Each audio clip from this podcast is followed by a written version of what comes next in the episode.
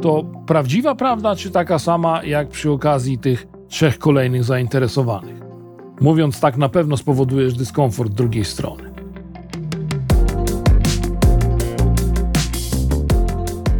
Nie jestem fanem blefowania w negocjacjach, przede wszystkim dlatego, że wymaga to ode mnie bardzo dużej koncentracji, aby zbudować wiarygodny blef.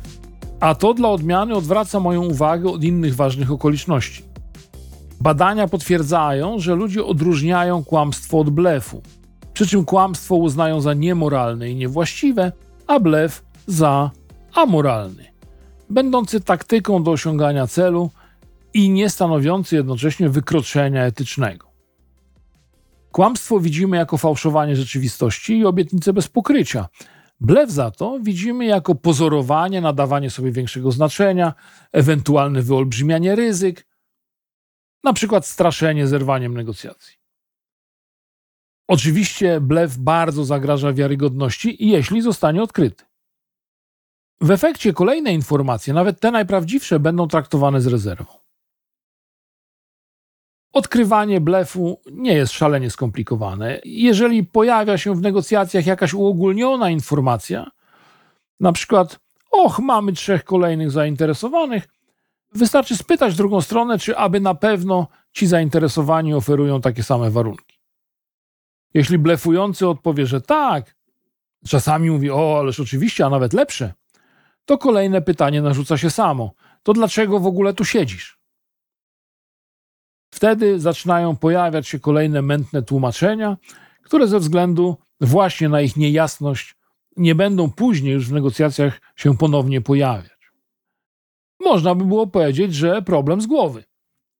I dodatkowo jeszcze masz pułapkę na drugą stronę. Przy każdej podanej przez nią informacji pytasz, to prawdziwa prawda, czy taka sama jak przy okazji tych trzech kolejnych zainteresowanych? Mówiąc tak, na pewno spowodujesz dyskomfort drugiej strony.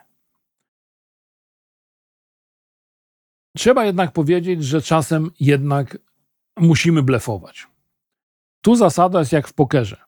Graj wysoko, czyli blefuj tylko w ważnych sprawach i rzadko. Jeśli dasz się poznać jako miłośnik blefowania, będziesz go używał w sytuacjach bagatelnych, twój rozmówca automatycznie wyposaży się sam w system dodatkowych kontroli i albo stracisz wiarygodność, kiedy cię kilka razy przyłapie, albo negocjacje będą się przeciągać w nieskończoność, bo każda informacja będzie dodatkowo sprawdzana. Jeśli chcesz blefować, przygotuj sobie również drogę wyjścia, jeśli twój blef nie spełni twojej roli. Tutaj dobrą podpowiedzią jest wyjaśnienie, na przykład, zmieniły się nasze wewnętrzne uwarunkowania.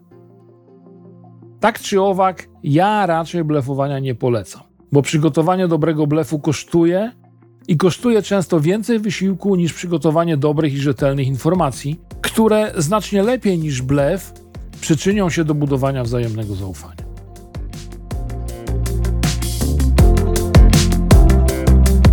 Oczywiście odpowiem na Twoje pytania, jeśli wpiszesz je w komentarzu chciałbym Cię zaprosić do zajrzenia tutaj od czasu do czasu. Będą tu się pojawiały na pewno nowe treści. Jeśli chcesz, to po prostu dopisz się do subskrypcji.